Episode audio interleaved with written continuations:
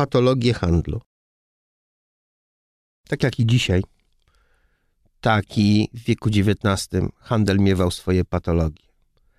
Chyba nawet więcej, bowiem w zasadzie nie istniały żadne instytucje kontrolne. Stąd w dawniejszych reklamach podkreśla się konieczność nabywania towarów oryginalnych. I tak na przykład producent octu Kawiland pisze tak.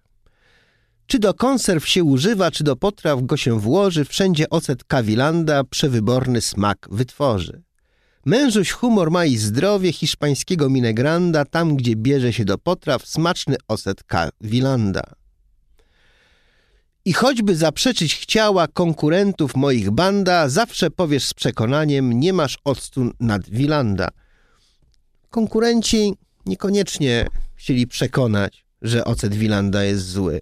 Po prostu robili podobne butelki, po prostu dawali sfałszowane nalewki i wlewali. Co wlewali, tego się już nigdy nie dowiemy. Ale patologie handlu to nie tylko fałszerstwo.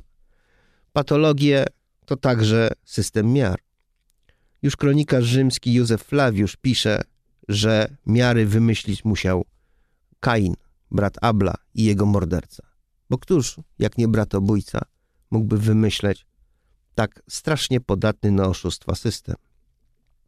Wczoraj na placu targowym na Ordynackiem skonfiskowano fałszywą wagę, która na 55 kilo wykazywała 1 kilo i 100 gram niedoborów.